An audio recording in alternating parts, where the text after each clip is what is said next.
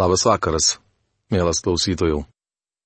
Kaip esame pratę, toliau keliausime Biblijos puslapiais, Senojo testamento puslapiais, mokytojo knyga. Šiandien pradėsime penktos skyriaus apžvalgą. Prieš pradėdami apžvalgą, paprašykime, kad Dievas padėtų mums suprasti jo žodį. Tėve mes dėkojame tau už šį vakarą, už galimybę turėti šventą įraštą, atsiversti ir išgirsti tave šiandien, prabylantį tais rašto žodžiais, kuriuos skaitysime, kuriuos trokštame suprasti ir paklusti. Dėkojame tau, kad tu įsaugojai mums jį. Dėkojame, kad dovanoji šią dieną. Prašome, kad padėtum viešpatė mums palikti dienos rūpeščius pašalinti visas mintis, kurios trukdys mums girdėti tave. Ir melžiame tavęs, kad tavo žodis atliktų tai, ko negali padaryti niekas. Padėk mums netrukdyti tėvę tau. Palaimink šį laiką. Jėzaus vardu. Amen. Taigi mokytojo knygos penktas skyrius. Šiame skyriuje rašoma, kad Saliamonas išbandė dar vieną sritį, kuri tikriausiai labai domina ir jūs. Jis stengiasi rasti pasitenkinimą religijoje, bet nerado. Galbūt tai, ką kalbėsiu, jūs šokiruos. Tačiau prieš atmesdami mano žodžius, pirmiausia juos gerai apmastykite. Ar žinote, kad niekas pasaulyje nėra pasmerkęs tiek žmonių pražučiai, kiek religija. Patirinėkite, ką pagoniškos religijos skelbdavo praeitie ir ką skelbia šiandien. Prisiminkite Indijos situaciją. Ten gyvenantys žmonės nėra kvailesni už kitas pasaulio tautas. Manau, kad dėl viešpataujančio, didžiulio skurdo kalta indų praktikuojama religija. Kitas pavyzdys galėtų būti Kinija. Ten klestinčią, baisę diktatūrą būtų galima pavadinti religija. Jos dėka Kinija tapo valstybė, su kuria privalome skaitytis. Pietų Amerikoje, kaip ir šiaurinėme žemynė, gausu gamtinių išteklių, tačiau daugumos to žemynų gyventojų būklė apgailėtina. Tokius ekonomikos skirtumus galėčiau paaiškinti tuo, kad šių žemynų žmonės išpažįsta skirtingą religiją. Pietų Amerikoje praktikuojamos religijos atstovai nerėsi iš kailio, kad tik niekas nepasikeistų. Tačiau nereikėtų pamiršti, kokią įtaką Šiaurės Amerikai padarė liberalus protestantizmas ir liberali Romos katalikybė. Kai Amerika pradėjo atsižadėti tikėjimo Dievu bei pagarbos Biblijai ir iš sakyklų prabilo laisvamaniai, šalyje prasidėjo nuosmukis. Bičiuli, jei praktikuojate religiją, verčiau iškeiskite ją į Kristų. Tiesa, aš asmeniškai nemanau, kad krikščionybę galima būtų vadinti religija. Krikščionybė neparemta jokiais ritualais. Ar kada susimastėte apie tai? Dėl šios priežasties skirtingose bažnyčiose Dievas gali būti garbinamas skirtingai. Pavyzdžiui, jei norite, galite gėdoti giesmes, tačiau neprivalote to daryti. Krikščionims neduota formos, kurios jie turėtų laikytis. Kodėl? Todėl, kad krikščionybė pagrįsta Kristaus išpažinimu. Būti krikščionių reiškia tikėti Kristumi. Norėčiau pridurti, kad religija žmogui niekuomet nebuvo labai naudinga. Mokytojas ieško pasitenkinimo religijoje. Paklausykite, ką sako Saliamonas. Būk apdairus, kai keli koja į Dievo namus. Geriau eik klausytis, negu atnašauti kvailųjų aukų, nes jie nežino, kaip susilaikyti nuo piktą. Mokytojo knygos ketvirtos skyriaus 17 eilutė. Kai kurių bažnyčių lankymas yra ne tik laiko švaistimas. Nieko gero, jei žmogus klausosi liberalių pažiūrų pamokslininko. Būtų geriau, jei jis remtų fundamentalaus tikėjimo pamokslininką, skelbiantį Dievo žodį. Saliamonas bandė būti religingas. Nors jis lankė šventyklą, tačiau rašo, kad kuo mažiau į visą tai įsitrauktume ir nieko nekalbėtume. Anot jo, galima nueiti į šventyklą, pasėdėti, bet jokių būdų niekam nepasišvesti. Niekada neskubėk kalbėti ir neleisk savo širdžiai tarti žodžio Dievo akivaizdoje, nes Dievas danguje, o tu žemėje taupyk savo žodžius. Mokytojo knygos penktos skyriaus pirmą eilutę. Saliamonas įspėja. Nepriimkite jokių sprendimų, remdamiesi jausmais. Žiūrėdami filmus ašarokite, bet nedarykite to bažnyčioje ir nepasirašykite jokių pasižadėjimų. Jei ketinate išsinuomoti būtą ar namą, galite ir turėtumėte sudaryti sutartį, tačiau venkite bet kokių raštiškų pasišventimų Dievui. Kitaip tariant, šios knygos autorius patarė būti religingam, laikytis formalumų, bet vengti tikrumo bei nuoširdumo. Bičiuli, taip elgėsi ne vien Saliamonas. Šiandien mūsų bažnyčiose yra daug nelaimingų žmonių. Jie stengiasi kuo mažiau įsitraukti į bažnyčios gyvenimą ir tik atlieka tam tikrus ritualus. Norėčiau pasakyti, kad tokia netikra krikščionybė žmogų siaubingai atbukina. Kaip slogus sapnai ateina po didelių rūpeščių, taip kvaila šneka lydi žodžių srautas. Mokytojo knygos penktos skyriaus antra eilutė. Dažnai pasitaiko, kad bažnyčiose žmonės dažnai pasako tai, ko neturėtų sakyti. Kai duodi įžadą Dievui, nedelsk jo vykdyti, nes kvailas jam neteikia malonumo. Įvykdyk, ką pažadi. Mokytojo knygos penktos skyriaus trečia eilutė. Jei jūsų požiūris nerimtas, geriau neikite į priekį, kai žmonės kviečiami pašvesti savo gyvenimą Kristui. Prisimenu, po vieno tarnavimo susilaukiau daug kritikos už tai, kad nepakviečiau jaunimo išeiti į priekį. Man buvo akivaizdu, jog tai būtų tik pasirodymas. Jaučiau, kad geriau leisti jiems priimti Kristų sėdint savo vietose Daugeliu žmonių išeimas į priekį tarnavimo pabaigoje nieko nereiškia.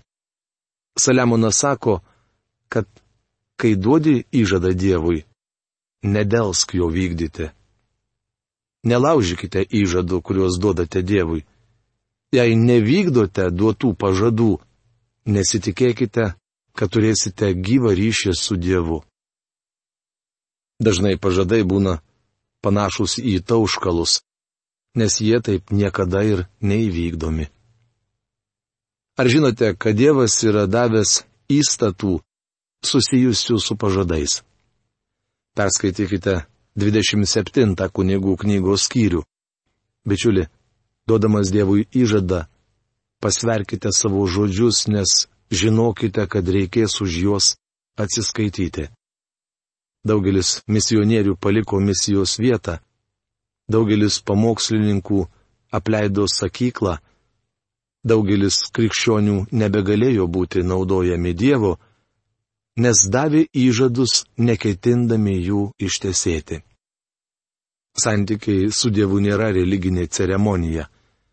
Priminsiu, kad jūs turite reikalų su asmeniu, kuris girdi jūsų pažadus ir tikisi, kad juos vykdysite. Geriau įžado visai neduoti, negu duoti ir nevykdyti. Neleisk savo lūpoms tavęs vesti į kaltę ir nesakyk jo atstovo akivaizdoje, tai buvo klaida. Kodėl Dievas turėtų pykti ant tavęs už tuos žodžius ir naikinti tavo rankų darbus? Mokytojo knygos penktos skyrius ketvirta penkta eilutės.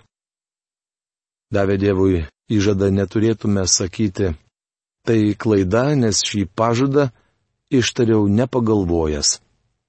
Mes turime reikalų su gyvoju Dievu. Regis daugelis žmonių to nežino. Dėl to galiausiai nutolsta nuo dieviškų dalykų. Dievas realus, todėl mes turėtume pasverti savo žodžius. Su sapnų gausa ateina ir migla bei žodžių srautas. Todėl turėk pagarbiaus Dievo baimės. Mokytojo knygos penktos skyrius šešta eilutė. Kosto burbulio Biblijos vertime šia eilutė skamba taip. Sapnų gausybė, kaip ir žodžių gausybė, yra tuštybė. Norėčiau pasakyti, kad sapnai ar kiti išgyvenimai negali pakeisti asmeninio santykio su Dievu. Daugelis žmonių sako, aš sapnavau arba aš patyriau, pajutau ir tuo pasitikė. Šiandien dažnai Dievo žodis tyriamas vadovaujantis asmeniniais išgyvenimais. Turi būti atvirkščiai. Visus patyrimus reikia ištirti lyginant su Dievo žodžiu. Pirmojo nuo laiško ketvirtos skyriaus pirmoje eilutėje esame skatinami ištirti dvasias, ar jos iš Dievo ar ne. Daugelis žmonių nuolat kalba apie savo patyrimus ir jais gyvena. Noriu pasakyti, kad tai paprasčiausia religija. Toks žmogus grindžia savo gyvenimą emocijomis ir estetiniais pojūčiais. Bičiuli, kuo paremtas jūsų tikėjimas? Išgyvenimais ar grynų Dievo žodžiu? Ką praktikuojate? Religiją ar tikėjimą Kristumi? Kai kur nors matai vargšų priespaudą, teisių ir teisingumo pažeidimą, nenustepk. Juk kiekvieną pareigūną prižiūri aukštesnis pareigūnas, o virš jų yra dar aukštesni mokytojo knygos penktos skyrius septinta eilutė. Amerikoje vargšų rėmimo programas dažnai lydi korupcija. Šiandien daugelis stengiasi pasipelnyti nepasiturinčiųjų sąskaitą, tačiau nesusimasto, kad Dievas juos baus. Saliamonas sako, kad virš jų yra dar aukštesni. Mielas bičiuli, Dievas mato, kas vyksta žemėje. Manau, kad jei krikščionis labdaros programoje pastebi korupciją, turėtų iš jos pasitraukti. Jei jūs matote korupciją, ją mato ir Dievas. Jis tikrai imsis reikiamų priemonių. Tai patvirtina ir pasaulio istorija. Vyriausybės išnaudojusios neturtinguosius žlugo. Kaip pavyzdį galėčiau paminėti Prancūzijos revoliuciją. Tai anaip tol nebuvo malonus reiškinys.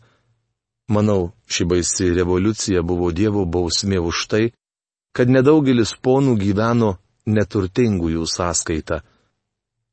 Taigi norėčiau pakartoti, kad Dievas mato, kaip valdžia elgesi su vargšais. Dievo žodėje daug kalbama apie pagalbą neturtingiesiems. Sugrįžęs Jėzus įsteigs karalystę, kurią mes vadiname tūkstantmete. Jis įvykdys savo pažadą pasirūpinti vargšais.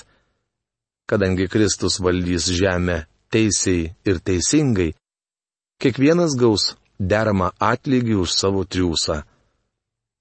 Jau minėjome, kad Saliamonas bandė ieškoti pasitenkinimo studijuodamas gamtos dėsnius.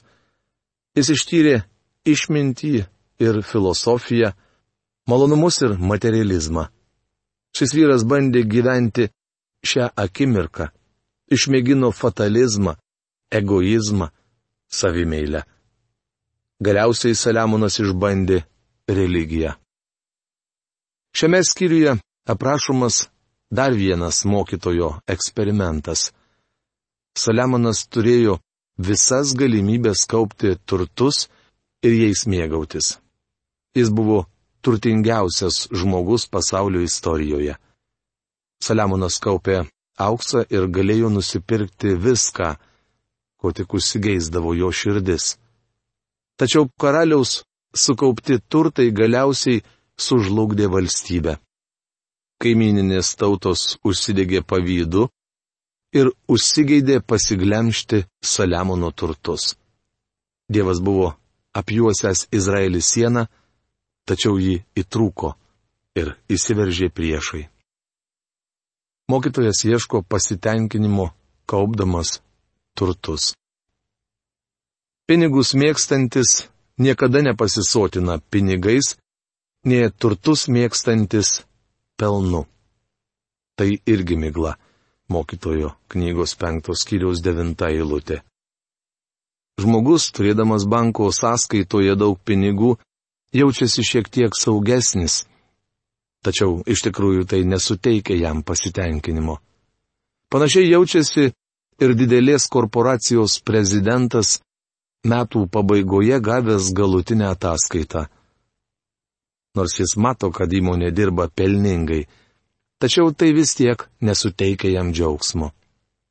Akivaizdu, kad turtai nėra pasitenkinimo šaltinis. Pats turtas nėra blogybė. Šventajame rašte nesmerkiamas turtas, bet smerkiama meilė pinigams. Pirmo laiško Timotiejų šeštos kiriaus dešimtoje eilutėje apaštalas Paulius rašo, kad ne pinigai, o meilė jiems yra visų blogybių šaknis. Nėra gerai kaupti turtus vardant turtų. Sakoma, kad šikštuolis įsivaizduoja pinigus plokščius, nes yra linkęs juos kaupti. O išlaidautojas mano, kad jie apvalūs, nes mėgsta juos rydenti į kairę ir į dešinę. Norėčiau pabrėžti, kad abi nuostatos neteisingos. Svarbiausia ne kiek žmogus turi pinigų, bet kaip į juos žiūri. Pati pajamų sistema nėra bloga. Blogybė slypi žmonėse, kurie pamilsta pinigus. Meilė pinigams skatina juos kaupti. Kartais žmonės riša įsipareigojimas, kuo daugiau uždirbti.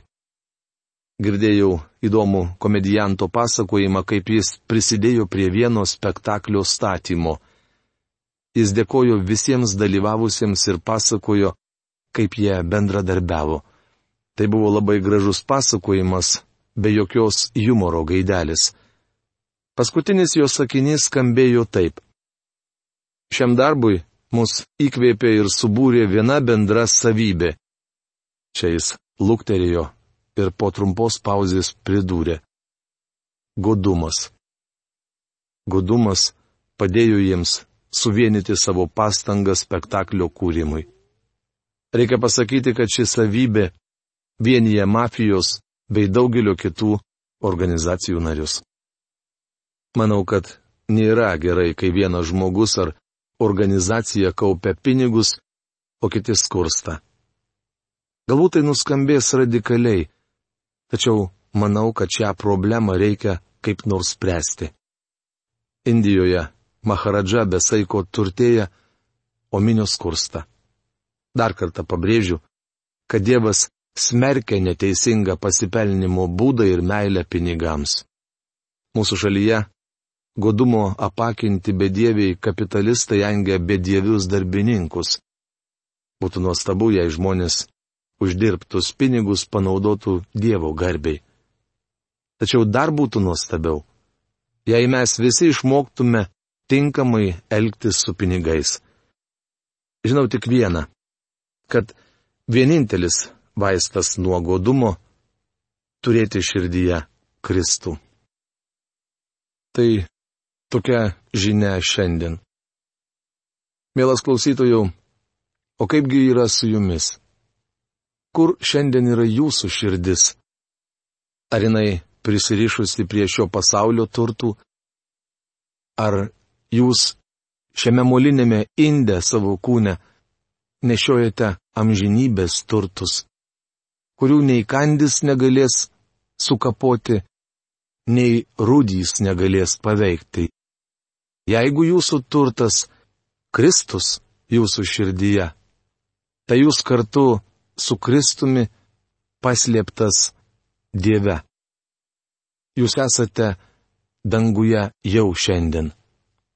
Jeigu taip nėra, leiskite žodžiui toliau dirbti jūsų širdyje ir ištirti, kasgi ten darosi. Netrukdykite Dievui atlikti darbą jūsų širdyje. Iki greito susitikimo. Sudė.